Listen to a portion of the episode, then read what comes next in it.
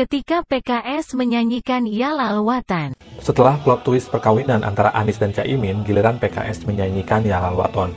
Padahal Ya Lalwaton sendiri adalah endem yang kontradiktif dengan gagasan Islamismenya PKS. Ibaratnya seperti fans Liverpool menyanyikan lagu Glory Glory Man United. Kok bisa kemudian PKS menyanyikan endemnya NU tersebut? Pertama, PKS termasuk salah satu partai bercorak Islamis yang bertransformasi menjadi post-Islamis. Islamisme sendiri memimpikan tatanan sosiopolitik murni berbasis Islam. Sedangkan post-Islamisme, sebagaimana disebutkan Asep Bayat, memilih mengkompromikan ideal tersebut dengan realitas politik dan masyarakat. Kedua, berangkat dari itu, tindakan PKS menyanyikan lagu Yalaloton ini bisa kita maknai sebagai bentuk ekspresi post-Islamisme.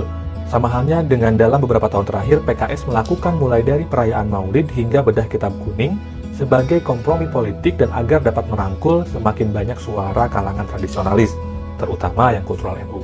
Ketiga, kompromi-kompromi tersebut menunjukkan sekaligus memfasilitasi mencairnya perbedaan antara tradisionalis dan islamis dan menjadi indikasi blurring identities, di mana seseorang bisa saja tradisionalis dalam praktik ibadah, tetapi islamis dalam ideologi politik.